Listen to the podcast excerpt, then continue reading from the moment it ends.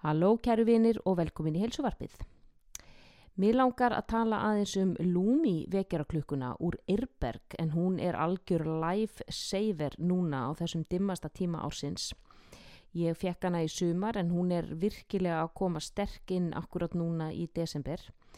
Eh, Rannsóknir hafa sínt að vekjaraklukkur með ljósi eins og Lumi bæta gæði bæði sveps og vöku auk þess sem að skapiði betra og orkan og framleiðni. Nú það sem að Lumi gerir er að hún eh, slekkur smám saman á sér, hún dimmir ljósi bara pínu líti og pínu líti þá hún til árið alveg, alveg slögt og hefur þannig áhrif á melatoninframlislu. Uh, að samaskapi vekur hún mann smám saman með því að lýsa uppur rýmið bara lítið og lítið og lítið í einu þannig til að rýmið er orðið bjart og það hefur áhrif á kortisol og adrenalín og vekur okkur svona fallega og blíðilega bara eins og mjúkur móður armur. Uh, fyrstu lúmi klukkunar kom á marka 1993 en núna nota breska landsliði sundi lúmi klukkunar til að vakna ferskir til að dýfa sér honni í kalda laug á niðdimmum og ísköldum vetrarmornum. Lúmi klukkunar fást í Eirberg. Eirberg er bæði upp á Stórhöfða, alveg sérstaklega skemmtileg búð, þetta er svo komin í dótabúð fyrir fullotna og svo er hún auðvitað í kringlunni. Eins er Eirberg auðvitað á Instagram og eirberg.is og endilega láti vita þegar við heyrta klukkunni hér í helsuvarpinu. Nú þátturinn er einnig í bóði ná á Íslandi og ég hef notað omega-3 fytusýrur í mörg ár og hef nú sagt það stundum í gríni og, og í alvöru að fytusýrur muni bjarga heiminum eitt daginn. Nútíma maðurinn fær því miður ekki nóg af omega-3 úr fæðunni en slafrar hins vegar í flestum tilfellum nægilegt magna af frænkum hennar omega-6 og 9 úr jurtaóljum. Nú í omega-3 er hátt hlutall af EPA og DHA sem stöðla að minni bólgumyndinu líkamannum. Það er afar jákvægt fyrir okkur sem er refsum játninu því það mingar líkur á vöðvaskemdum. EPA og DHA stöðla að myndun á mýjelin slíðri utanum frumur sem hefur jákvæð áhrif á hjartað, auðvitað á jákvæð áhrif á vöðvavöxt sem og vexti á nýjum heilafrumum þannig við verðum gáfaðri á því að taka omega-3 þarf frekari vittna við.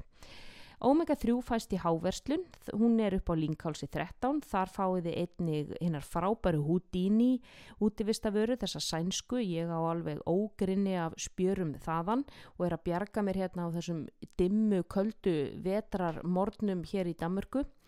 Nú einnig finnið þið Omega og allar návörurnar inn á nowfoods.is og það er að láta senda heim og sem er nú ekki, ekki slæmt á þessum COVID tímum. Nú í þessum þætti þá eru við átni sálfræðingur að tala um COVID-kvíða.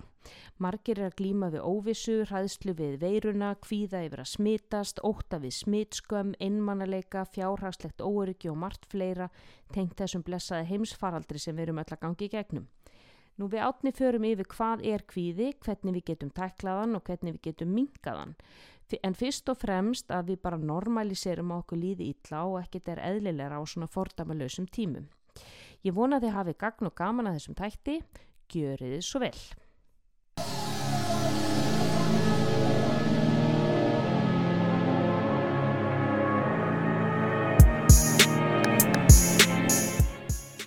Halló, velkomin í hilsuvarpið. Minn uh, ástkæri Átni Þóróttur situr hérna hjá mér. Blessaður Átni. Sæl. Átni er sálfræðingur og gestum heilsuvarpsins vel uh, kunnur en það eru þættinni þínir bara einir það er mest með mestu hlustun held ég af bara öllum þáttum heilsuvarpsins. Það er bara svo leis það, það er bara er óvæntar ánægilegar fréttir. Átni minn, þetta er bara rós beint Já, í hjartað takk sko. en þetta ertu náttúrulega bara hafsjóður á fróðleik og skemmtilegur frásagnar maður og Þannig að það er, er, það er aldrei, maður kemur aldrei að tómum kofanum hjá þér. En í er dag, átni minn, langaði mig að tala um mál dagsins. Já. COVID-ið, Ó, blessa. ég held að það er bara að segja Trump og Biden Nei, ég nenni nú ekki að eyða þætti í hann Trump. en, en það er samt alveg væri alveg heil sálfræði stúdía út af fyrir sig. Það er bara Trump sjálfur. Já, já, því ég ég hef sagt að heyrt greina nú fjarlæð já, það er alveg væri hægt ég hef, hef heyrt sko hann átti mjög fjarlæga móður og það er svona alveg ímislegt þarna sem hægt er að grafa í æsku sem skýrir hegðuna gurís. sín. já, já, Já, þannig að við getum kannski, þetta er góð hugmynd, tökum, tökum Trump og, og, og analýserum hann síðar meir. já, En mál málana, já. COVID, COVID. Já, og COVID-kvíði og svona okkar breyta svona samfélagslega hegðun í kringum COVID og, og ég meina nú erum við bæði náttúrulega bara, þú veist, að, að drukna í skjólstæðingum og fólk er með mikinn kvíða og, og gagvart COVID mun ég smitast, hvað er við smitast. Mér veist rosalega margir vera hrættir við að smita aðra og viti ekki af því og það er þessi hræðis, það er þessi smitt skömm já, ok. sem að fólk er hrætt við. Hvað ef að ég lappa inn á líkarsastastöð eða inn í sundlaug eða inn á vinnustæði minn og ég er með COVID og ég verð sá sem að sendi alla heim og ég verð sá sem að er upphásmaðurinn þú veist á mínum vinnustað að og, og þetta finnst mér vera svona meiri hræðslega heldur en það að smitast endilega af sjúkdómnum sjálfum. Já. hver er svona þín upplifun?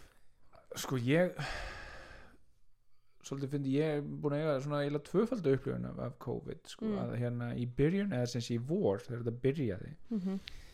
þá var þetta bara það var ekki að því að ég hætti að fá kuna en, en mikið gegnum þessa vinnutengt streitu og svona, það bara, Mm. bara hætti Já, ég hérna var með kannski tíu hérna fyrirspurnir á, á viku mm en yfir þann þreggja manna tímabil frá, frá hana byrjun mars og fram í þá byrjun júni þar held ég að hafi talið þrjá já, í staðin fyrir hvað, 90 manns Já. sem hefði átt að vera fyrirspurnir frá bara þessu sko þannig að það, það var fyrstu áhrifin voru þessi rosa ró eða afslöpu sem kom þegar maður fekk að leiði til þess að vinna heima var ekki Mhm. fyrir þessu stanslösa áreiti og Mhm. hérna það hægði svona á menn mann sá það bara í traffíkinu sko. Það var, bara það var ró yfir öllu mm en síðan núna í setni bylgjunni sko, þá, þá er það ekki það sama þá, þá er ég að fá eðlilegt magna af, hérna eh, streitukúnum, sko, og, og mér finnst það er komin ákveðin hérna líka COVID þreita já sem ég þegar ég, eftir mér, mér finnst eh, COVID ekki taka neitt rosalega mikið pláss hjá, hjá flestum af þeim sem ég hitti núna. Nei, sko COVID tekur minna pláss hér í Danmörkun og Íslandi, það er klárt. Uh, það, við náttúrulega erum heldur ekki í þessum óbúslega hertu aðgerðum eins og Íslandi núna. Nei. Hér er náttúrulega er allt opið og ég menn það er opnað líka sætt stöðvar og sundlugar og ég menn það er allt opið sem er lokað á Íslandi núna. Allavega þegar þessi þáttur er tekin upp. Og uh, en, en það er komin svona þessi, einmitt, þessi veiru þreita í, í mannskapin, hvort sem það er hér eða, eða þar. Og ég held að við séum orðin sko við erum orðin þreytt á þessu sko þessum, þessu félagslega þessum félagslegu takmörkunum já, mér finnst það vera, vera helsta sko að við fáum ekki nú er að koma jól, við fáum ekki held að almennileg jól með, Mhm. með fólkin okkar og við fáum ekki að, að sko, við fáum ekki að faðmast við erum að gefa einhvern olboga skilur, þetta er okkur svo óeðlislegt já, já. og við erum að tala við fólk og það er með grímu, við getum ekki lesið svipriðin, við sjáum ekki brosi, við sjáum ekki allt andlitið og fyrir bara manns heilan við, við erum bara víruð til þess að sjá allt andlitið og við viljum þessa symmetríu já. og þegar við sjáum bara augun þá, Já, þá já, mann tala nú alltaf um að samskipti eru miklu meira en orðin sem eru sögð og það er náttúrulega andlitið þetta body language og svipriði og, og, og hvað heitir hann nú fræði sálfræðingur sem að lesa í, í, í bara þessi mikró, mikró svipriði já, já, man ekki nefnið en, Nei, ég en, man ekki nafnið, frægir þættir með honum Tim Roth hérna, já, sem byggður á því já, er, já og, og hvernig við einmitt, við sjáum sko bara, ég meina kontaktur og, bara þessi litlu brósviprur og, og mér finnst þetta og þessi fjarlæðar takmörkun og við erum fann að leifa okkur að, að sko tala við fólk einhvern veginn, ekki standa svona nálægt mér og Mm. verða aðeins lengri í burtu og þú veist, maður má ekki setja vörurnar upp á bandið í búðinni fyrir hinn er farin og maður er skammaður fyrir eitthvað svona alls konar já, já.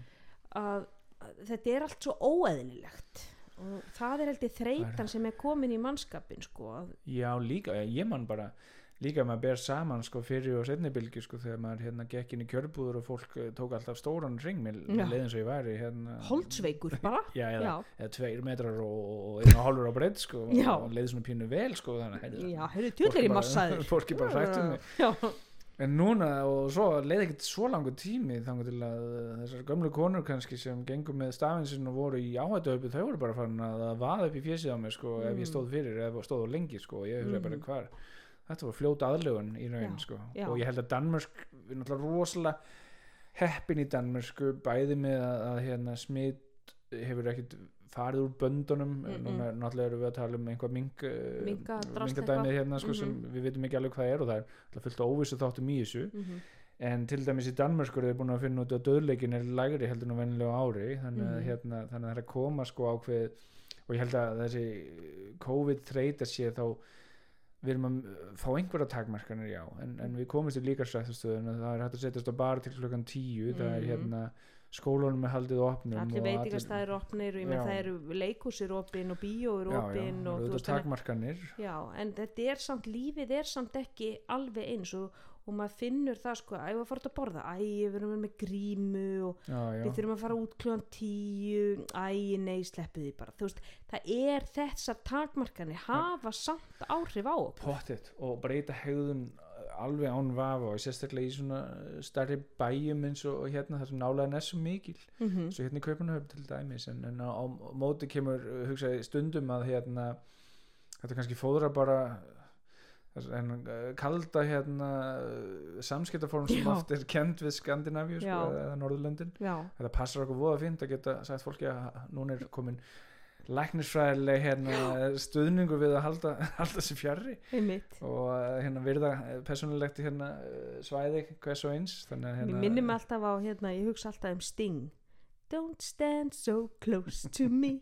Þa, það er einhvern veginn, það lag er bara, finnst mér bara að vera svona þemalag COVID. já, Bara, já, já, það. En sko það er þessi kvíði varðandi COVID og þessi kvíði varðandi sko það ok, hvað ef ég smitast?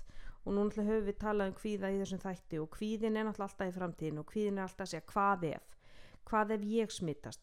Hvað ef börni mín smitast? Hvað ef maður minn smitast og kannski á fólkum hvað ef mamma og pappi smitast Mm. sem eru með undirliggjandi kannski hjart og aðasjúkdóma eru honum gömul eða eru með síkusíki eða skilur, eru með einhver áhættu þætti sem að gera COVID mun verra og, og það er náttúrulega mjög viðvarandi það er þessi, þessi hræðsla við ekki bara mitt eigið smitt heldur smitt annara, Já, að aðrir í kringum mig smittist Já. hefur þú orðið var við þetta? Já, alveg, alveg án vafa og, hérna, og eins og segir, kvíðir alltaf kvíði, núna hefur hann bara fengið nýtt viðfangsefni Mm og, og, og kvíðir alltaf þetta stjórnleysi, þetta hérna, máttleysi gagvart aðstæðum og, Mhm. og COVID náttúrulega er búið að búa til nýtt máttleysi fyrir utan Mhm. að allan eins og segir, við erum að tala um þessar breytingar í samfélaginu og svona en, en, en allt inn er komin nýtt ljón -hmm. inn í, inn í samfélagið okkar og þetta ljón er búið að vera mjög nálagt að það er líka náttúrulega búið að vera mjög mikil í fréttum og svona og Mhm. það er mikið af hérna svona viðvörunum og, ákveðin hérna kvartning til hegðunar eins og til dæmis bara handþvottur og, og Mhm. svona sem er náttúrulega gott og vel en, en, en síðan getur það ítt undir aðra kvilla eins og, Mhm. eins og áráttu þráttu hérna hegðun og svoleiðis, sko, sem hérna, fær náttúrulega það. ákveðið réttlætingu hérna Mhm. sko, og, og það er það sem ég finnst svo spennandi með allan kvíða er að er að kvíði er í raun viðbröð sem er hana til þess að halda þær á lífi en kvíði er ekki nöð, nöð, hérna, það er ekkert með sannleika að gera en, en stundum hefur kvíði rétt fyrir sér ekki Mhm. alltaf Mm og það sem við okkar helsta verkefni þegar við erum að vinna með kvíða þegar við fáum kvíða er, það er að gera upp með okkur hvort að kvíðin sé að hjálpa eða ekki -hmm. ef við lítum á gaglega hlutan á kvíðanum við COVID það er kannski að ef þú átt fóreldra Mhm. sem eru hérna veikburða eða ef þú ert með fjölskyldumælumi sem eru í áhættuhópi þá kannski mjög gott á sér þrætt Mhm. er hrættur að, til þess að gera það nöðslegur aðstæðanir til þess að, þess að draga úr áhættu og þá myndu segja þetta er takk kvíði, ég menna vel gert já að því að kvíðin er óþægilegur og hann rekur okkur til þess að og bregðast við þá förum við náttúrulega í einhvers konar hegðun sem er þá ok, nú er ég, ég er að spritta mig mikið og ég er að passa fjarlaga takmarkanir við mömmu og pappa og ég er að passa að vera alltaf með grímu allstað það sem ég er, svo ég smittist örglega ekki og færi Mm. það yfir í þau og, og þannig ég er að taka allar þessar varuðaráðstafanir þannig að þar er kvíðin að hjálpa mér. En hvenar er mitt fer hann yfir strikið og verður að sko einhverju áráttu og þráhyggju, hvenar er hann fann að vera sko óhjálplegur og jafnvel hindrandi fyrir mig í lífinu? Já. hvenar er það þannig ég þóri ekki út rúsi vegna þess að ég er svo hrættum að smitast? Já, og hvenar er það þannig að ég fann að klæða mig bara í hasmat galla skilur að því ég bara get ekki verið innan um fólk og, og hvenar verður það þannig að, að ég fæ bara algjörlega sko lamast vinstra meginn ef einhver nerrar í kringum mig Já. skilur og þetta eins og þetta hvínar er hann að valda meiri vandamálum en hann er að gera gagn mm -hmm. þetta er bara spurning sem við erum alltaf að spyrja hún er alltaf mjög mismunandi frá einstakling til einstaklings af því að við búum ekki öll við sömu aðstæður, fjölskyldu eða vinnu eða, eða bara ef við kíkjum á umhverfið sömu búið í borgum, aðri búa á sveitabæingstar og það Mhm. getur maður sagt ég minna það, það hefur algjörlega og afgerandi hérna komið sér afgerandi uh, ákvörnavald eða áhrif hvort, hvort, og í hvað aðstæðan þú býr hvenar hvíðin er gaglegur og ekki. Og mm. og, þessna, og, og það sem er gaglegt í dag það er hægt að vera gaglegt eftir tvo mánuði segjum við sem Mm. konum með hérna, bóluefnið eitthvað en við höldum áfram að gera allar þessar ráðstafanir Mm er þá ráðstafanir farin að vera fyrirfyrðamiklar eða farin að hamla meir í lífinu -hmm. sem er umfram það sem maður myndi segja væri, væri rökrétt einmitt, er ég fann að sko vera að spritta mig of mikið er ég að er ég sko farin að vera með grímu óþarlega mikið, skilur þeirra þeirra komi bólöfni og við erum hættan í svona liðin hjá, en hræðslan mín er ennþá til staðar, Já. skilur og er hún ekki hjálpar og það er það sem ég er svo spennandi við kvíðan að því að hann er ekki sannleikur er að, Mhm. er að þú eru alltaf að taka afstöðu til hans hérna gagn, eða hans eða hennar ég, ég vil ekki vera karlæga eða kvenlægar en, mm. en hérna en þú eru alltaf að taka afstöðu til kvíða með það fyrir augum eða með þann möguleika mjög opinn að hann sé stundu gagla og stundum ekki mm. og það í sömu aðstöðum getur notagildi breyst mm -hmm.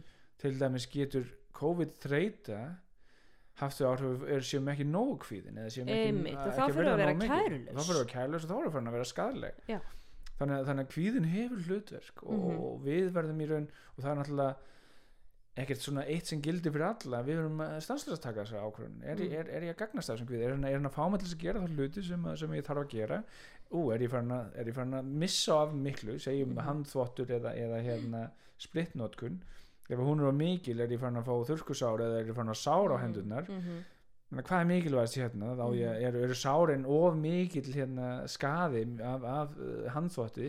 Eða er handþvotturinn mikilvægari en, en skaðin á höndunum? Mm. af því að við erum að tala um eitthvað líf og döða uh, spurningu eða, eða Mhm. allavega möguleika á alveglegum afleggingum en það sem mér finnst sko er, er með, með eh, COVID-kvíðan er að hann kemur aðalega fram hjá allavega það er mín reynsla að það kemur aðalega fram hjá skjólstæðingum sem að hafa sögu um heilsukvíða já, og eru hafa verið hrættir við að sko smitast og náttúrulega en að COVID kom eða að, að vera svona ekstra varkárir varðandi eh, heilsu og fá svona þessar katastrófu hugsanir ef ég komi illt í maður guðrugla magaæksli mm. eða ég er með hausverk, jésús minn ég er örgla með, þú veist, fá heilablóðfall skilur það koma þessar stóru katastrófi og ég verð að passa einmitt að ef að batni mitt hóstar guð hann er örgla komið með sko lúnabólgu já.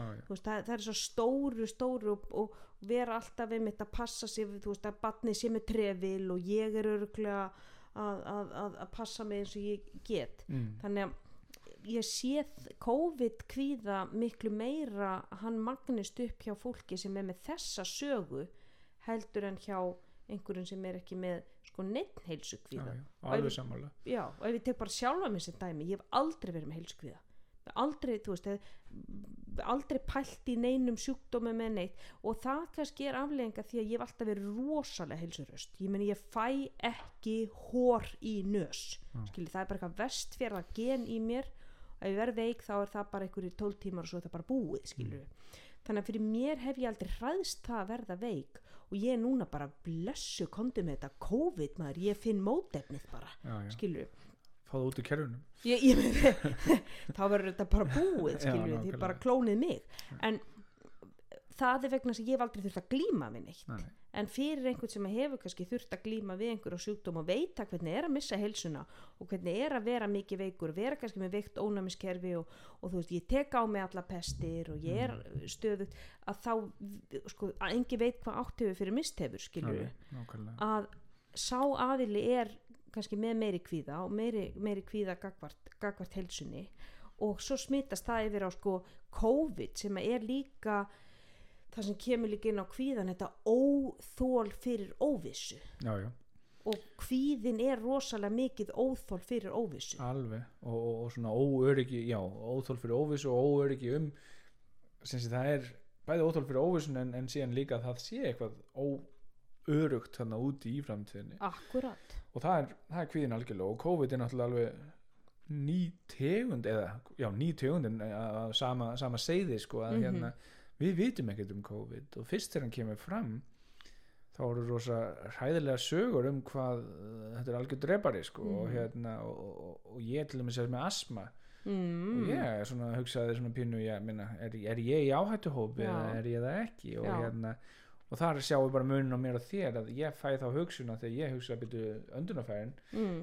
ég gæti mögulega verið í áhættu ég á, og, og er hilsur höstur með að við er sem sé með mína jafnaldra og, hef alltaf verið Mm já ok, ég var pestagemlingur sem, sem barn en, en þú segir, ég meina ég myndi, og helmingurna mér segir bara kontum með COVID, fáum þetta gegnum kerfið Mhm. og ég meina, mér svo ég alveg samfærum, ég hafi fengið COVID februar, já, ok en hérna en það var áður en þetta varð sko svona Já. að ég fekk bara veikindi sem pössu ekki við aðra uh, Já, ég veit það er mjög margir sem En- að voru en- einmitt í februar en fengu spurningin vonda flensu já, sko. er, en er það svona maður að segja, eftir á skýring sem passar inn í hérna Já, þú ætti kannski að láta parað testa þig hvort þú sitt með mótefnið já, já, ég hef uh, hugsað um það en Mhm. síðan er ég náttúrulega, ég er ekki nórættur Nei, þannig að ég þarf það ekki Nei. veginn. og Það er líka það, það er ekki nógu og þá er spurning, er, vanda mig hérna að taka þetta alvarlega þá Mhm. eða, eða já, þurfti ég að hafa meiri kvíða fyrir þessu en, en Mhm. ég hef, ég veit það ekki og þetta er, er, er ákvörn sem að ég verði eiga við sjálf á mig mm en, en ég held að eins og segir að þarna fólk sem er með veikt ónæmiskeri fólk sem er veikt fyrir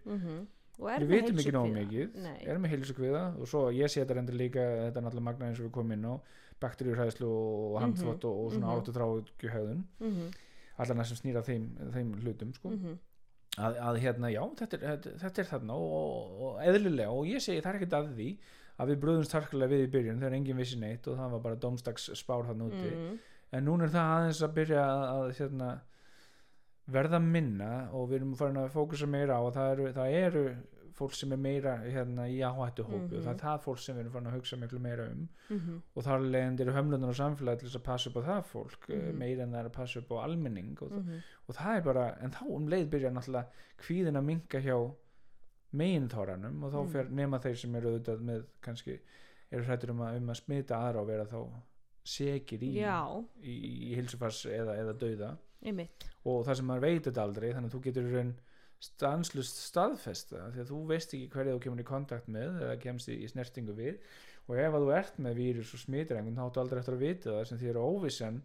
Mm óþól fyrir óvissu út í framtíðin og óþól líka fyrir út í óvissu minna, þú veist þetta aldrei? Nei, þú veist það ekki. gæti ég hafa verið og svo getur líka verið einkennalaus og smitað. Alveg. Þannig að þú veist það er svo margi, margi faktora sem að spila þarna spila þarna inni og það er einmitt mér finnst það mjög viðvarandi þessi smitskömm og þessi hræðsla við að smita aðra mm. og vera einhvern veginn svona uh, expósaður sem sá sem smitaði og, og líka þetta hvað ef einhver aðrir, aðrir í kringum mig smitast. Já. og, og sko heilsukvíðin þú veist, nú hefur maður alltaf unni með hann með, með, með skjólstæðingum, þú veist, þú væntalega hefur reynslu af, já, já. af því gegn þín störf þú veist, hvernig vinnur þú með heilsukvíða í fólki? ég vinn með hann náttúrulega ég eh, vinn með ég meina eins og, eins og með allan annan kvíða í raun þá er það náttúrulega að finna útskýra hvað er kvíði Mm að skilja það líffræðilega í þessu skilja einfallegan í kvíðan Mhm. og hér getum við vísað í þáttinn þinn uh, sem að við tókum upp sem er um kvíða. Já, já, hann Nefnilega. fer mjög djúft í þetta. Já Mhm. það sem við förum einmitt í það. Og, það, og þar leðandi þar tala ég um flugtæðslu til dæmis og Mhm, hérna þína eigin. eigin. En, en, en líka sko að, að við erum átt okkur að þetta snýst alltaf um ljón. Nú er ljónið bara heilbrið það sem gerir svo hjá fólki með hérna þennan heilsukvíða er að það er að leita það er alltaf að skanna líkamann sinn. Mhm, og það sem gerist þegar maður skannar líkamann er að maður alltaf finnur eitthvað sem er Mhm. kannski ekki eins og það á að vera. Til dæmis og ég held ég hafi nefnda með í kvíða þættinum að, ég mér finnst öndun mjög einföld nema þegar ég þarf að hugsa um hana því að þá verður hún þung og, og, og óþægilega þegar ég er með þennan asma eins og ég kom inn á áður og þar lendi, ég- bara núna, bara ég nefni það þá kemur Mm. þingsli við lungun. Mm, og eða yfir andat, hérna öndunar uh, veginn og ég hérna er að hugsa ef ég væri með hræðslu um að væri eitthvað óþægt eða eitthvað hættulegt með lungun á mér mhm, þá myndi bara þessi upplifun að ég tala um það ég verð var við þingsli í lungunum þá er ég strax búin að búa til hérna aðtigli sem fer Mm. þangað sem staðfestir hræðslunum Mhm. þannig að óbyttum við þetta á ekki að líða svona. Akkur er þingsli yfir brjóskassan núna? Ætla að sé eitthvað að mér?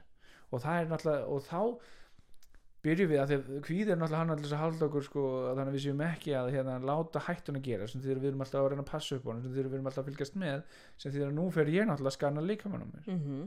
og það gerir maður í og hilsu þá finnur við alltaf eitthvað. Við erum alltaf með eitthvað, einhverja, einhverja verki eða eitthvað, það kemur eitthvað stingur hér að, mm. og þegar við síðan fáum einmitt sting hér eða verk þar að þá kemur kvíðin strax mætir á svæðið. Af því að hann er vanur að ef að eitthvað, eitthvað líkamlegt er að að þá búm er hann mættur. Hei, hrættur núna. Já, og kvíði er jú oft.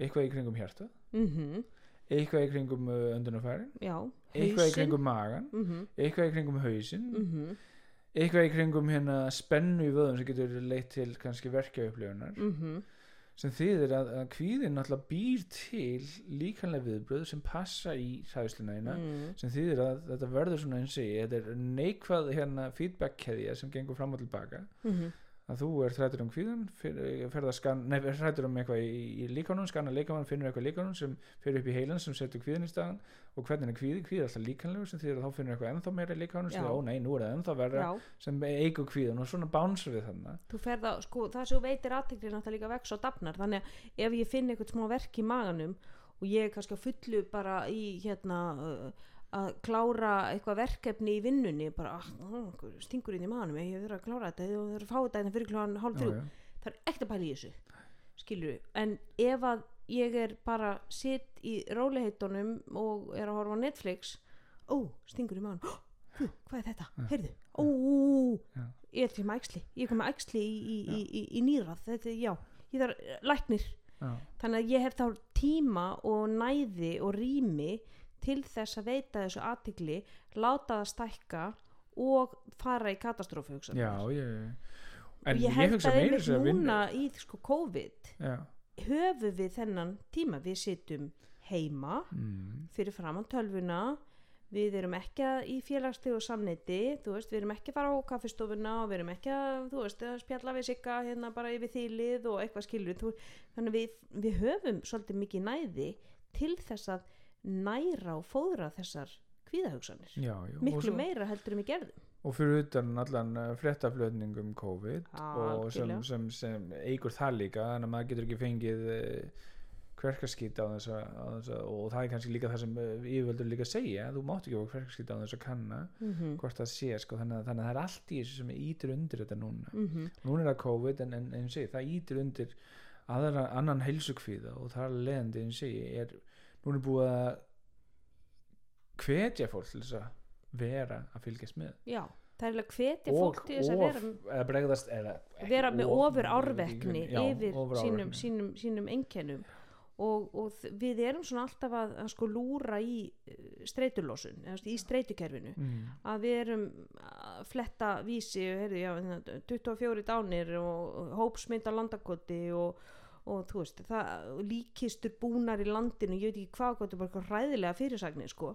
Og ég meina auðvitað, þá, þá keirir þetta eins upp streitukerfi hjá okkur sem að ítir náttúrulega undir það að við erum móttækilegri fyrir kvíðahugsunum veist, þetta hefur áhrif jafnvel á svefnin hjá okkur við erum, að, við erum að sofa verra því við erum alltaf í smá kortisóllósun og það hefur áhrif á það að ég losi ekki út melatonin á réttin tíma sem hefur áhrif á það að ég sef ekki eins vel og sef ekki eins djúft og ég er með kvíða og ég er með mm, áhyggjur og hvað ef ég smittast og mamma smittast og ég vakna inn á nóttinu og fyrir að pissa og leggst ég aftur upp. Og akkurat þá klukkan tvö á nóttunni þegar þú kemur aftur upp í rúm þá er kvíðin bara hei nú ætla ég að djöblast á þér. Já, já. já, hvað ef þú smittast, hvað ef mammaði smittast hvað ef þú smittar alla í vinnunni og allt verður hræðilegt? Þannig að þar erum við berskjöldu fyrir þessum hugsunum, við erum ekki með rökheilan algjörlega, það er ekki kveikt á honum þannig við erum bara í tilfinningaheilanum og við byltum okkur hann sem þýðir að við vöknum, við erum illa sofin sem þýðir að rökheilin er ekki til staðar eins og hann ætti að vera Mm. tilfinningaheilin er bara algjörlega bara búin að taka yfir bygginguna sem þýðir að við erum útsettari fyrir já. svo drekkum við kaffi svo stímulerum við okkur með, með kaffi sem að eigur ennþá meira því það losar katikólamín sem veist, streituhormónin, kortisol og adrenalín og og svo fær maður, ónótt í magan svo fær maður ónútt í maður á mikið. kaffidrykkjunu og guð mig góði, nú er ekki bara mækslið skilur það þetta Já. verður bara lúpa sem já, að við þetta lendum í. lúpa. þannig að hvernig getum við sem sálfræðingar hjálpað okkar skjólstæðingum til þess að uppræta þessa lúpu Þú verður að deyja? Láta sér fara í það að deyja. Já. ok, þannig að við tökum Eða hug- ættingjar sem hugsunina og klárum hana. Það er það sem ég mæli alltaf með og, og ég meina, ef að fólk er með fortíð búið að upplifa sjúkdóma, upplifa Mhm. dauða þá getur það náttúrulega verið hérna þú getur náttúrulega verið saga hérna sem að kerfið, að því að tilfinningaheilin náttúrulega stýrir minn, minningunum okkar, að það getur það verið að það sé svona það sem viðmiðun sem að, sem að heilin notar núna til þess að setja kvíðan í gang í dag. Og ef þú ert með þannig sögu þá, þá er mjög líklega að við þurfum að vinna með hana af því að þá er framtíðarvinna oft hindruð af því að heilin alltaf minna það og er alltaf með þetta ljóslifandi þarna eða hálf niðurbælt en aldrei alveg niðurbælt mm -hmm. sem þýðir að það, þannig að kerfið er búið búa til alls konar bindingar milli þeirra sögur sem þú átt og, og, og þá þeirra kvíðamyndunum sem eru átt í stað og þeirra hegðunar sem eru komið þar af leiðandi mm. og, og, og oft þegar maður er með fortíð líka þá hérna, ef, ég nota oft batterilíkinguna sko að hérna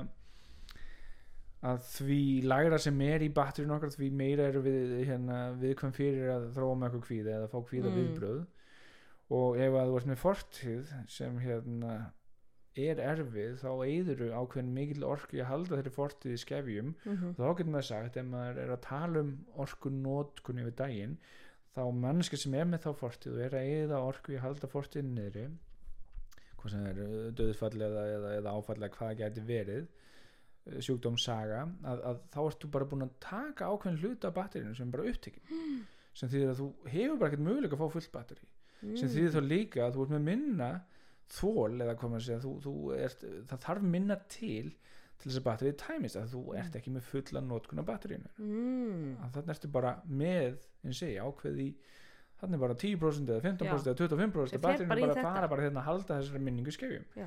og svo koma áökjur og allir þessir óþægilega hlutir um framtíðina sem oft er byggt á fortíðinu eða komið, ný, nýkomið. En það þýðir þá að þá er komið ákveðin önnur prósent að þessar hugsanir valda nú áökjum og setja alls konar hefðin í gang sem þýðir að þarna er komið önnur 25% sem hérna þurfa að sjá um allt þetta. Mhm. og þá er það alltaf konið í hálft batteri Mm þegar það er fullt en það er náttúrulega ekki fullt að þarna er bara, bara þetta. Svo þarf þetta að nota yfir daginn að þegar maður sleppur aldrei í gegnum dag án, án þess að nota eitthvað batteri og þú nærði aldrei meira en upp í hálft sem þýðir að hérna, þarna ertu búin að gera það ákveð viðkvæman mm. þetta er rosa góð líka fólk tengir alltaf rosa vel við þegar maður notar símalíkingu því við þekkjum það svo vel.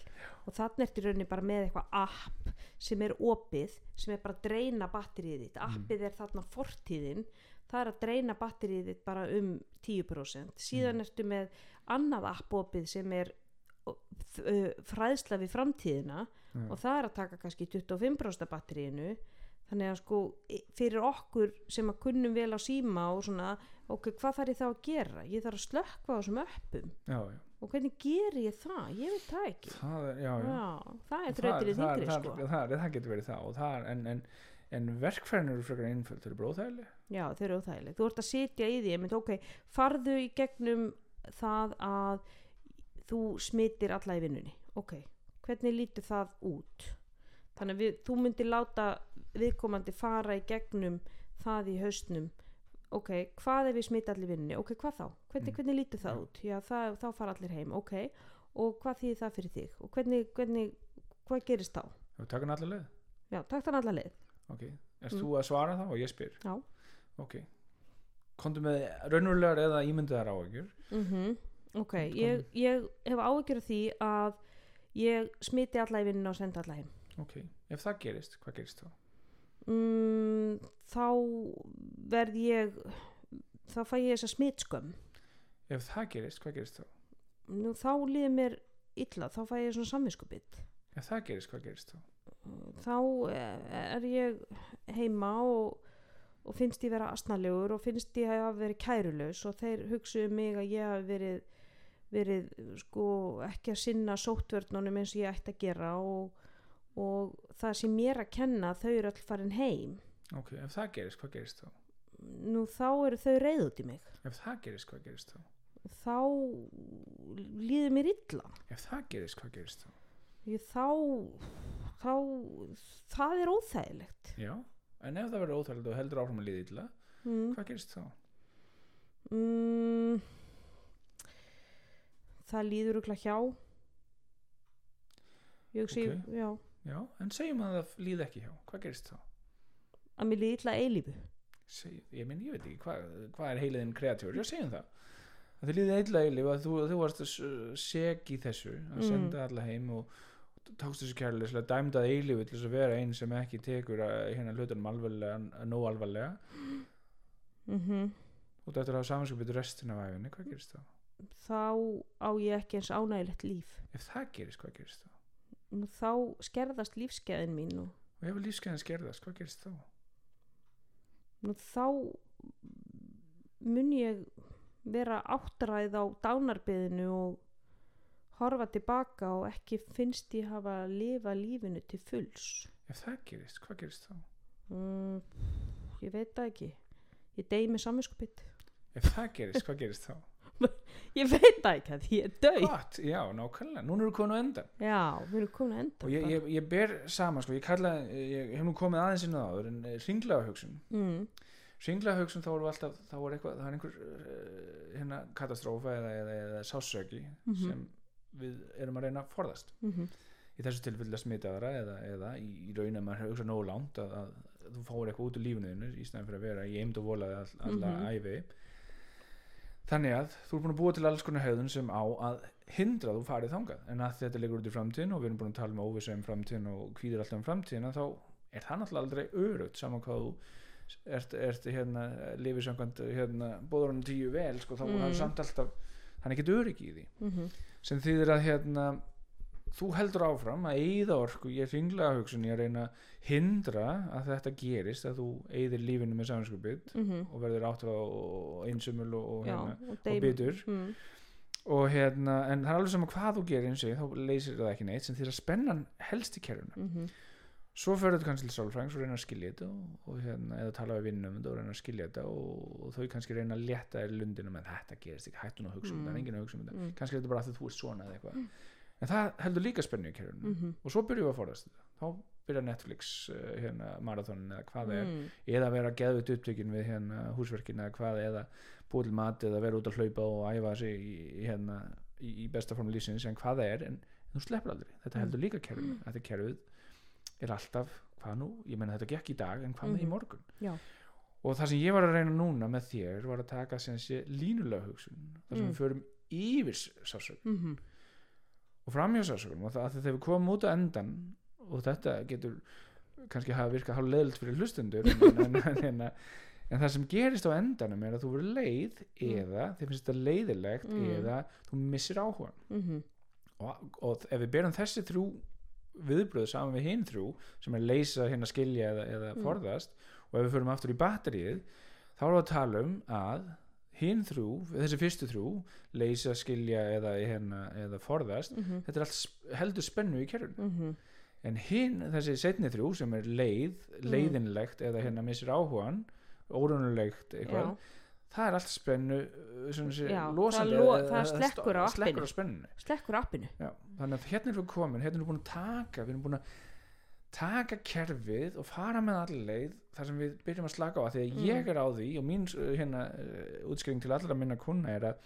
kvíðin kemur miklu frekar þegar batterið er tómt. Mm, þannig að það sem ég get gert með að passa upp á batterið þitt er hvar get ég slögt á öppum og Mhm. þetta er einlega til slökk á appi. Mm, að, að þú sért ekki að eyða allir þessar orku í að ringhugsa já, og bara í hvers gett sem hugsun kemur, hún kemur aftur það er ekki Mm. nóg að gera þetta einu sinni, maður er að gera þetta alltaf. Mm sem þýðir að þú er alltaf að fara með allar leið. Yfir sásökan, þanga til að þú finnur að þetta er orðið hundleðilegt eða, eða, eða í sumum tilfellum ef að það er dauði hérna í hugsunarferlinu þá getur verið sorg. Og það er líka annað sko, sem maður getur farið með í, í, með skjólstækjum sínum er sko hefur ekkert maður fengið sektakent já, hefur fengið samvinskupið já, ertu ennþá með það? Nei, ok. Þannig að svo tilfinning leið hjá mannstu eftir því, já. Mm. og okkur fyrstu samvinskupið, já, ég menna ég stal hérna dúkkunni af gunnu vinkonu þegar ég var lítil og þú veist, ég tók hérna um, kannski hundrakalli á mömmu úr vasanum og hún skammaði mig og ok, þannig að þú hefur fengið sektakent og samvinskupið yfir einhverju en þú ert ekki ennþá með það samvinskupið er það, nei, ekki núna 30 ára setna gagvart gunnu sem þú stalst dúkkun af, nei, þannig að tilfinninga koma og fara og það er svolítið það sem við hræðumst alltaf já, já. er að tilfinningin verði að eilífu. Já, ég muni vera með samvinskupið að eilífu ég verði sko sakbitin yfir því að hafa smitað eitthvað fólk og þetta muni fylgja mér út lífið og þetta er einmitt sko til dæmis annað sem maður, maður sér svona mikið einmitt þegar maður vinna með, með uh, fólk sem er í ofáti sem er í þessu tilfinninga áti Mm. að sko það finnur einhverja spennu í líkamannu, ég er búin að rífast í makan eða veist það er einhver, einhver óþægindi í, í líkamannum ég er búin að eiga erfi samskipti við einhvern samstarfsfélaga og það er einhver kvíði og streyta og spenna og ég er vön að fara núna og slökkva það með því að há mig með súklaði að því að ég sé fyrir mér að þessi spenna og streyta innra með mér muni bara stíga og stíga og stíga og stíga og stíga og verða mig bara yfir þyrmandi og ég get ekki ráði við hann að nema búm, dúlmanna niður. Og Mm. hvað er það sem að tekur kortisóli niður á 0,1 halló kolvetni einföld kolvetni vesku og við vitum það. Að það er bara mótefnið við streytunni er það þegar við dundrum í okkur einhverju sigur, salt og fita þessari heilaga þrenning.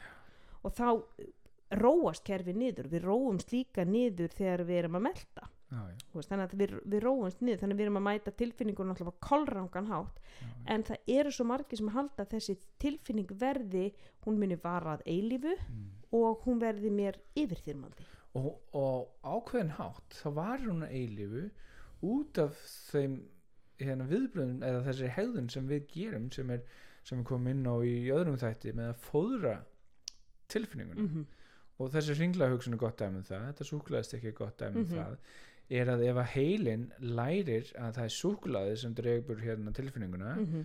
og hún kemur svo aftur þá er alltaf komin tenging alltaf í sömu höfðun alltaf í sömu er bara einfaldur sko. og, og það þýðir þá að heilin getur ekki lært að tilfinningin sé ekki óendanleg eða ekki hættuleg að því að heilin býr til þriðja svona þriðastegs hérna tengingu sem heitir tilfinningin er ennþá óþægilega óendanleg en ef ég fæ súkulaði Já, þá, þá er hann ekki þannig, Þá- þannig heilin lærir aldrei að, að hérna slökka á tilfinningu eða sl- lærir aldrei og þú lærir aldrei að hegðunni er ekki óendanleg. Nei, og hann lærir heldur aldrei að sitja í henni eða upplifa hana.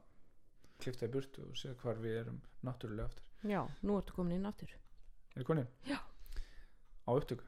Alveg á upptöku. Mm, Þetta er allt svo organikina já. Ég veist þér alltaf að pissa. Já. Ég er kona með pínlítla blöðru. Þannig að en, en sko við vorum nefnilega að tala um súkulaði og tilfinningar. Óendanlega tilfinningar. Óendanlegar tilfinningar Já. sem að upplifun að því að það var óendanlega og þess vegna verðum við að gera eitthvað já, mm þar voru við. -hmm. Þannig að við sko höldum áfram með akkurat þetta þennan, ringleika hús sem fer í sem fer í gang í haustum á okkur og ef við tökum það inn á, inn á COVID hvað ef að ég smittast, hvað ef að mm. ég smita aðra? Það er þessi ábyrðar tilfinning finnst mér sem að fólk er svona að taka mikið inn á sig. Já, samanskupið uh, það er eitthvað svona samvinskupið þetta er meira sko, mér finnst vera meiri hræðsla við það heldur en endilega sko að smitast af sjúkdómnum sjálfum. Þú veist að það, það jú, ég, þú veist, ef ég smitast ég meni, ég veit að svona flestir í kringum sem hafa smitast að þeir hafa svona, já, ég veit, verið bara svona vondflensa og þannig að mér finnst fólk ekki hræðast kannski endilega að smitast heldur meira þessi þessi félagslega þessi félagslega ábyrg sem við höfum mm, að vera ekki að dreifa smitinu. Og hún kannski kemur einmitt svolítið úr fjölmiðlum og, og þetta sko, þið verðið að passa ykkur og passa ykkur og passa sóttvarnir og passa og passa og passa að, að við fáum svona þennan dóm. Hvað ef ég smitast? Þýðir það þá að ég hafi ekki passað mig? Já, og ég hafi einhvern veginn verið kærulaus? Og mér finnst það vera svolítið undirliggjandi hjá fólki að þetta sé einhvers konar sko, uh, þetta sé einhvers konar áfellisdómur yfir mig og mína hegðun og mína ábyrðatilfinningu gagvart því sem að við erum að gera. Já, maður hefur heyrt það einmitt fólk segi svo var bara hérna, fólk bara ekki sóttkvísi sem að smita því og þetta verður svona það er svona að vera að dæma svolítið. Já, já, já, sem ítur undir náttúrulega kannski þetta saminskupið líka og ræðslu við það. Já, og svo ef við förum í sjálfan kvíðan og aftur við byrjum náttúrulega að segja að kvíði væri stundum gaglegur og stundum ekki. Mhm og, og hérna verður maður að reyna að gera upp við sig enn og einu sinni hvað ég meina er það sem ég er að gera er það er það, er það nóg mm -hmm. Mhm. verðum að taka lógiska ákvörnum þegar samanskapitið á ekkert eftir að gefa okkur rétt, rétt Mhm. staðamynd af því nöðsilega þannig að við notum lógíkina hérna til þess að ákveða hvað á ég að gera til þess að ég sé búin að gera nóg til þess að hérna sinna ekki hérna samanskapitinu eða hérna, nei til þess að hérna fóður ekki samanskapitið og, og, og þarna lendum við þessi sérstöku aðstöð sem COVID er er að við erum, við erum í raun eigum að fóðra kvíðan eigum náttúrulega ekki að fóðra kvíðan við erum í raun að búa til sé hjálplegan hjálp- kvíða já, að já hjálpa hjálplegan kvíða. já. en við erum líka eigum náttúrulega að gera og sína hegðun og sína ákveðna varkárni sem er hérna, til þess að passa upp á, á fólk og passa upp á smiti dreifist ekki en, en fyrir, fyrir fólk sem hefur tilhengu til kvíða eða, eða hefur möguleika að fá kvíða þá getur það náttúrulega fóðra hann líka eða, Mhm. eða saminskupbyttu Mhm. og, og ef við tölum um saminskupbyttu þá er saminskupbytt eins og með kvíða fóðrað af hegðun sem að hérna hlustar á saminskupbyttu Mhm. og hérna eigum við að hlusta á saminskupbyttu allan upp á vissumarki Mhm. og hérna aftur við erum að gera upp við okkur hvenar er það nóg, hvenar er ekki og ef að saminskupbyttu segir þér að gera eitthvað og þú gerir eins og saminskupbyttu segir þá er alveg bara garanterað að, að, hérna, þá er bara alveg pottið að, að hérna, saminskupbyttu fær rétt fyrir sér já. og þar er leiðandi á saminskupbyttu að koma aftur upp í sömu aðstöðum. Mhm. þú ert alltaf að fóðra þú ert alltaf að fóðra það. að fóðra gera, það gera hegðun til þess að að passa sko upp á, upp á samvinskupitið en, en það er það er líka, það er líka sko finnst mér einmitt í þessu með, með sko samvinskupitið gagvart í að smita ykkur aðra er það við, þannig komum við aftur inn á þessu tölum í, í þættinum um imposter syndrom er að við eignum okkur sjálfum þú veist, ef dæmis einhver kemur heim til okkar og hann sér að það er drasl og við hugsaum guð mig góður, hann, hann, hann finnst ég vera sóði og, og letingi og, Mm. og, og auðnuleysingi og landeiða þannig að við hann hlýtur að hugsa um mína innri eiginleika en þegar við förum heim til einhvers annars og það er drasl í honum það eru bara mikið að gera hjá honum og börnin eru bara, þú veist, út um allt og eru bara að suppa út og þú veist, þannig að það eru ytri aðstæður sem stýra því að það er drasl í honum. Já, já, sama með okkur að ef við smitust á COVID að þá fyrir við, þá segir samviskubitið þú varst ekki nógu mm, þú varst ekki nógu duglegur að þóður um hendar þú varst ekki nógu duglegur að vera með grímuna þú varst ekki nógu passa samur í, í einhverjum aðstæðum. Þú fóst út mannstu og hittir stelpurnar eða hvað þú gerðir og þess vegna er þetta þér að kenna þannig að þú varst ekki nóg já. en ef einhver annar smitast að þá yfirleitt fyrir æja en hvað hann var óheppin mm, það, hann hefur lent í einhverju þú veist að það hefur verið hópsmitt eða að hann, er, hann, er, hann var bara rángum að raungum stað skilur þannig að þá er það ytri þættir sem að stöðla því. Þannig að við erum alltaf Já. að berja okkur niður fyrir að hafa ekki verið eitthvað nóg nógu Algjörlega. eitthvað. Og mér finnst þetta COVID að hafa kannski svolítið sérstakann hérna sessa þessu leiti að fólk hefur alltaf skoðun á því þó að þessi komin ákveðin hérna þreita í, mm í þetta og við sem uh, mörg farin að pæla minna í sjálfum COVID og meira í takmannskonunum þá er fólk með skoðun á og hvað kallar þetta á íslensku á Íslandi COVID-ar og svona sko, sem Mhm. eru með eru með hérna já, alveg og, Mhm. og er að segja fólki hvernig og dæma fólk fyrir hegðun þannig, mm Mhm. þannig að við lendum í því að, hérna, og ég verð uh, virkilega að gera upp við mig að því ég hef svona tilhengu til að taka hlutina svona eins og, hérna, eins og þeir koma svona Mhm. alveg íslingur og, og ég verð að minnum á herðu, þetta er raunverulegt en, en, en það er fullt af fólki sem er hinum megin á, á rófinu og, og, og hérna gerir of mikið og þar verðum Mhm. við eins og við segjum inn áðan að við fóðrum kvíðan og við erum að ákveða hvernig erum við að fóðra kvíða og hvernig erum við að fóðra, fóðra, fóðra skinnsemi og, og Mhm. nota skinnsemi mhm, og í þeim tilfellin þá varum maður einmitt að gera sem sé vinna á móti því sem saminskupið er að segja okkur eða kvíðin er að segja og hvernig gerum við það? og það er verið að gera akkurat það sem hérna, saminskupið er að segja okkur ekki að gera Mm. þannig ef saminskupið er að segja okkur að hérna, þú varst að, eða, eða segjum kvíðin, höldum okkur bara kvíðin hérna, þú ert að labba neyri í hérna, hérna versluna miðstöð og Mhm. þú hérna tekur svona, það er eh, handspritt Mhm. þá kemur inn, tekur það inn Mhm, og þú labbar frá sér annan handsprittung og þú ert ekki með snertina eitt en þú tekur aftur handsprit þarna myndi lóking segja, þarna ertu kannski að gera á mikið. Nei, mikið, en kvíðin myndi segja, herri þú verður að taka þetta hérna já, og þannig verður hérna kvíðinum haldið við og þú ferði gegnum allan gangin í kringlinu og þú er búin að taka alla tíu dungana og þess að snerta nokkuð og þá Mhm. myndir segja, ok, þetta er þú er nú bara orðinn ölvaður á þeim tímapunkti sko, og hérna, maður getur sagt þetta er kannski ekki stærsta hérna vandamál við hérna hilsukvíða eða COVID-kvíða en þetta er einfalt dæmi til að sína Mhm. hvenar hérna það er orðið og mikið. Mhm, og hérna er, er kvíðinu þetta að segja er taktu hérna meira handsprit mhm, og ef þú ætlar að kenna kvíðanum hann hafi ekki rétt fyrir sér þá máttu ekki taka handsprit. Mm, en sko, þá, svo kemur ræðslan ok, hvað ef ég tek hérna ekki nógu mikið handsprit og svo, og svo smitaðist ég, það vegna þess að ég tók ekki nógu mikið handsprit þarna, skilur þannig að þetta er svo, þetta er svo erfitt að eiga við þetta. Já, já. og ef þetta er, er einhver ákveðnar mjög ákveðnar aðstæður sem þú getur tengt í hérna akkurat þarna, þarna hefur þetta að taka og þú ferð að sjá eftir því mm. -hmm. saminsku byrði fóðrastundum af, af Mm, minningunum og mhm, minningarnir er ekki alltaf stórar eða, eða, mikilvægar en það verða það fyrir þér að mm Mhm. það eru tengdar því sem þú ert að fást við og þar lendi getur verið þessi eini dungur sem þú sleftir og þá kemur lókikinn og segir þetta er, þetta þetta er út af honum þetta er út sko. af því að þú sprittaði ekki þarna og þá voru það staðfesting mm á því án, án sönnunar en, en, Mhm. en sönnunin liggur í tilfinningunum það tilfinningin er svo sterk að hún virkar sem, sem sem sönnun sönnun mm og þar leðandi fær hún staðfestinguna í Mhm. tilfinningastyrknum sko. -hmm.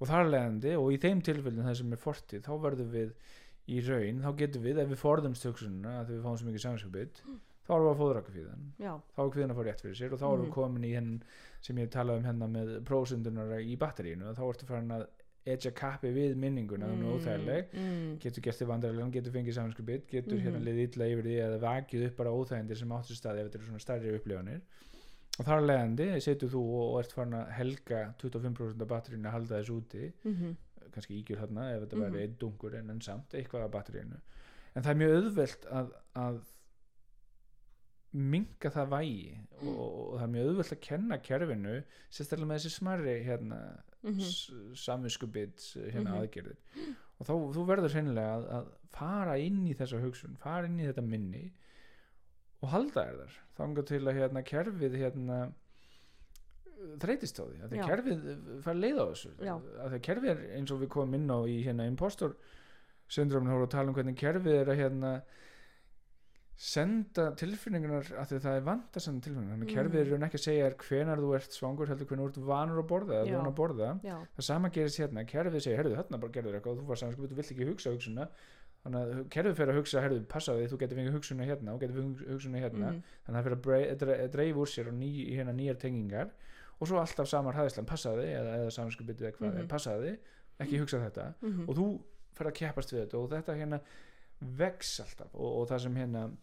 það sem ég geri þá er að ég fæ fólki bara til þess að vera þarna og ég man að ég nota þetta sjálfur bara ég sitt hérna við tölvuna hérna fyrir nokkrum dögum og, og er að og það hefur ekkert með COVID að gera það er bara einhver uh, aðstæður frá í gamla dag þegar ég var í bústað með strákunum og hérna fannst þetta með þeir vildi alltaf vera naktir.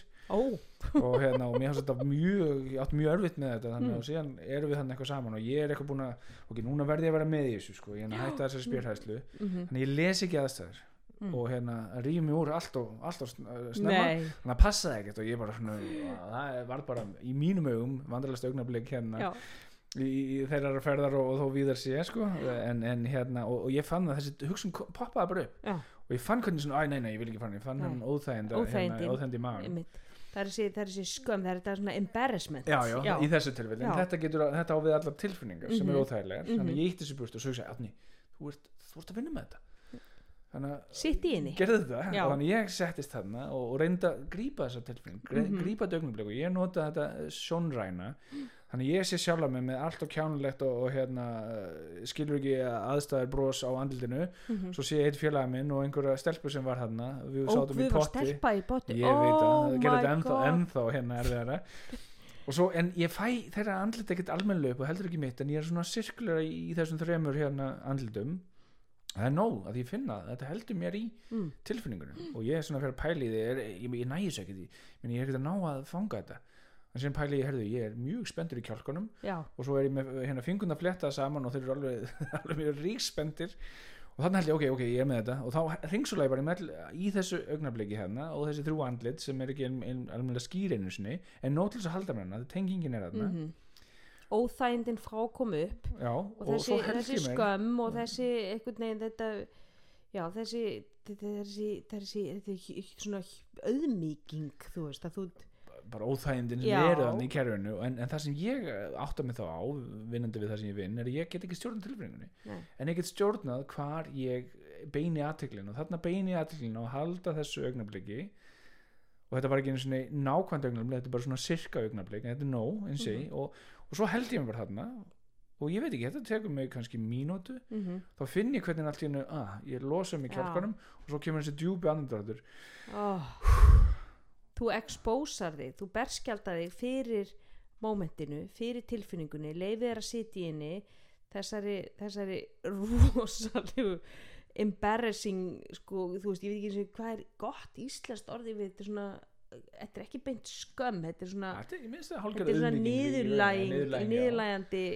bara, og, og, ég skil nú eftir á getur maður rökrétt sig í því ég, Mm. meni, ég skil alveg okkur ég gerði þetta ég hérna, var svo stressaður í sko, e- kerfið mitt var að hugsa um þetta atbyrðin að rífa sig úr fötunum en, Mhm. en var ekkert að pæla í öllu hinu sem var að lesa í aðstæður og svona, ég var bara Mhm. svona ok, þetta er að koma, þetta er að koma þetta, ég var að Mhm. undirbúum undir þetta og svo pff, úr buksunum, já, Já. ég er svo eini ég er svo eini og þetta er algjörlega fáralegu tímapunktur og öllum finnst þetta fáranlegt og þarna er einmitt, þetta kemur þessi, þessi public humiliation sem við erum alltaf að reyna að forðast sem Já, við já. þólum ekki, þetta fær þú að sitja í henni þessari rosalega óþægilegu tilfinningu og þú finnur þegar þú berskjaldaði fyrir henni hvernig það slaknar á og þarna ert þú jafnvel að taka eitthvað app sem var opið sem þig ekki á Mhm. var kannski að taka 5% af þínu batteri en núna er kannski komin í 2% Já. skilur, að því að þú bara ok ég bara berskjaldaði mig fyrir þessu leiði mér að sitja í þessu leiði mér að endurlifa mómentið svolítið bara eins og bara PTSD skilur í raun, þetta er nákvæmlega sama nema hvað þetta er náttúrulega miklu minna atvik þannig að það er ekki eins mikið að forðun bundi við þetta, það er ekki eins mikið tengt við þetta þetta var ekki eins mikilvægt augnablik eins og mm það væri nöðgun eða, eða Mm, nei, eða eitthvað svoleiðis, það það er ekki ekki, það er ekki áfall í þessu nei, en það er þessi auðmenging og það er nóg til þess að kerfið Mhm. mann það mhm, og, og, og, og, bregst við því. Mhm. Og, þetta er raun sama eins og segir og maður gerir við, við áfallastreitu en, en hérna er minna og ég, ég nota þetta á, á öll, hérna, alla sögur sem Mhm. við erum með orku í og við erum samanlega um ég og skjólstæðingurinn að við séum með ómikið orku í. Mhm, að halda niðri að, og, og þarna er þetta bara app sem er opið og er að dreina hjá okkur batteri sem við áttum okkur oft ekki á. Já, að við erum að reyna að bæja ákveðnu minningum frá okkur sem að valda okkur óþægindum að því við þólum illa þessar tilfinningar og að sitja í óþægilegum tilfinningum. Ég held að það komi að hluta til líka svolítið úr okkar æsku.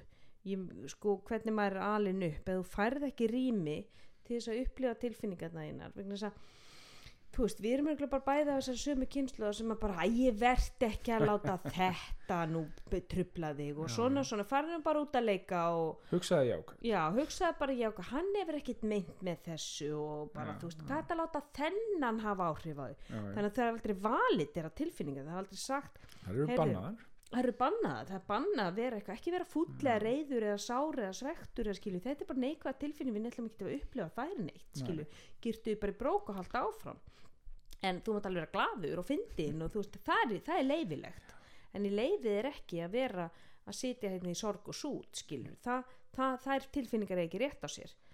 Og, og það er náttúrulega bara þessi skilabók þá er eitthvað rámt við Mm. það að ég sé með skömm og sektakend og, og sakbyttin og, og finnist eitthvað óþægilegt þá er það eitthvað, eitthvað rámt og ég þarf að koma út úr því ástandi sem allra allra fyrst. Já, það er bara eitthvað sem er yfir þyrmandi og, og það er bara ekki félagslega samþygt þannig að nú bara gerði ég mig í brók og held áfram með lífið og, og bæði þessu bara út. En þetta er alltaf að dreina hjá með vatni, batterið skilur þetta situr hann í situr í geimslahólfinu og við og eru ítum alltaf í burtu þegar uh, hérna, því að það er að við kunnum ekki mæta þessum tilfinningum að rétta nátt en ef það eru valiterar þegar við erum börn og það er eitthvað sem kemur og segir heyrðu, veistu að það er bara fullkomlega skiljalegt að þú sért sárið við því að, að Gunni hafi verið að stríða þér á skólalöðinni Mm.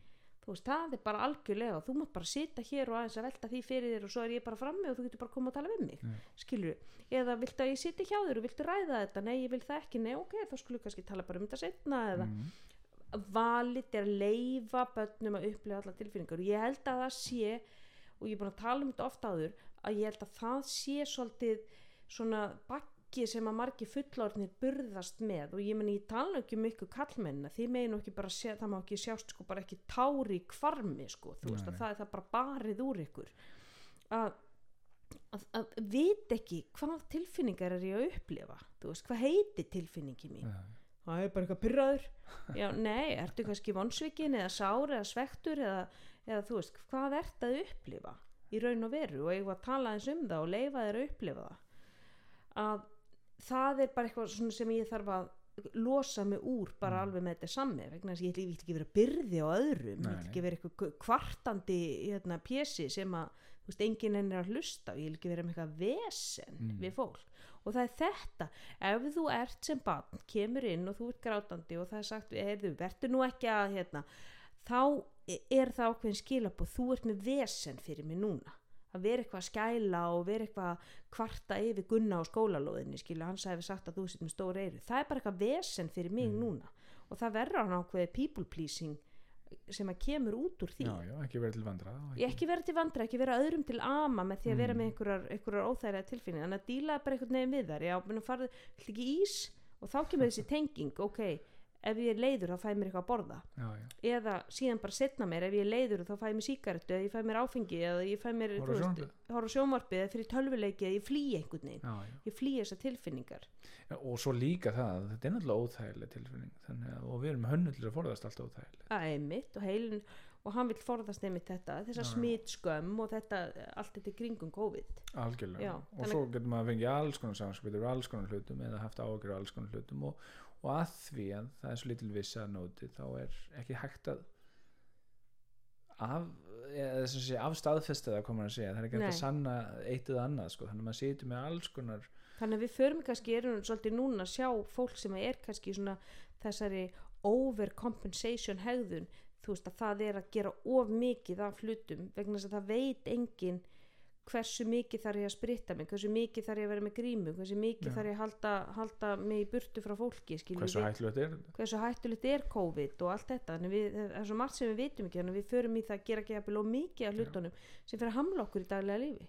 Og ég held, að, ég held í raun að COVID kvíði eða, eða það, það er aflengar sem koma því það koma fyrst eftir að bólöfni er, er, er komið sko. Mhm. þá, fer, þá fyrir við að sjá hvað situr eftir mm ég held að við höfum eftir að sjá það að fólki eftir að finnast ennþá óþægilegt að vera ofan í öðrum og ég held að við höfum eftir að sjá það að, að, að til dæmis sko tónleikahald og, og svona það sem er kannski margir samankomnir á litlum bletti ég meina bara einhverjir góðir gamaldags Guns N' Roses tónleikar í parken skilju, það verður ekkit eitthvað fólk ríkur ekkit á það með þetta samme bara til að vera í sveittum handakrygga á einhverjum, einhverjum blindfullu manni fyrir framans ég held að þetta verði fólki finnist þetta óþægilegt í einhver Já, 1, 2, 3 ára eftir. Og hér verður spurningin er það þá er það raukhyggja eða er það, er það kvíði já, ymmit, þannig að hvað sittur eftir Já. þetta er búin frábært spjall ertu með eitthvað hérna, einhver svona loka ráð fyrir lustendur varandi COVID-kvíða eða hvernig er geta svona COVID, já,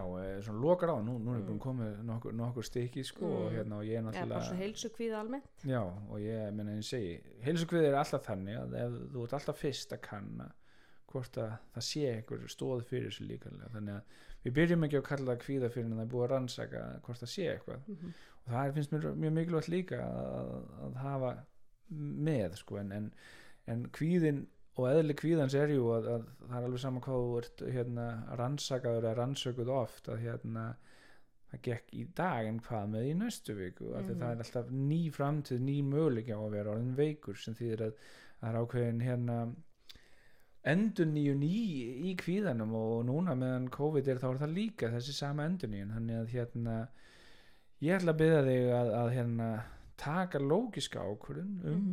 hvað er, hvenar er nóg, nóg taktana þegar þú ert ekki í kvíðakasti eða, eða Mhm. með áhyggjur mm. og búðu, gerðu það að regluverkinu þínu og svo má bara kvíðin vera eða ekki vera að hann er ekkit annað en bara uppástunga Mm. þannig að búðu undir að hafa þann kvíð eða, eða hafa það samanskupið og, og, og ég, bara, ég verð að lofa því að það sá kvíð og það samanskupið kemur þegar þú ert búin að búa til þessar reglur og þú ert að vinna eh, sé, takmarkaði á einhvern hátt eða gera eitthvað sem er í, á móti þessum samanskupið eru hingað til sagt að þú eigir að gera en, en við erum búin að ákveða að þú ert búin að ákveða í þinni vinna sé ekki rögrétt heldur kvíði þá verður að búa þig undir að hafa þennan kvíð hafa, vilja hafa þennan kvíð eða hafa, hafa þetta samskupið Mm. og það er magna með tilfinningar þó sé óþægilegar. Ef við veljum þar sjálf veljum að fara inn í það eins og til dæmis munum að fara viljandi undir kaldar styrstu eða, Mm. láta sprauta á sig köldu vatni. Mhm. það er bara því líku munur. Þannig að Mhm. þegar þú ert tilbúin að hafa samskipið og hafa kvíðan þá getur þú fyllt þessum reglum. En þú verður að vilja hafa kvíðan og samskipið Mhm, mhm. Mér finnst það gott hjá þér. Kvíði er bara uppástunga já við látum það vera að loka orðin hér í dag. En uh, takk átni enn og aftur fyrir að koma og fræða okkur um, um allt sem að við kemur kvíða og heilsu kvíða og allt. Ég veit að náttúrulega fleiru að taka inn í þessu uh, óendalega heilabúiðinu en til ykkur lustendur góðir takk kærlega fyrir að lusta á heilsuvarpið og þá til næst, fyrir bless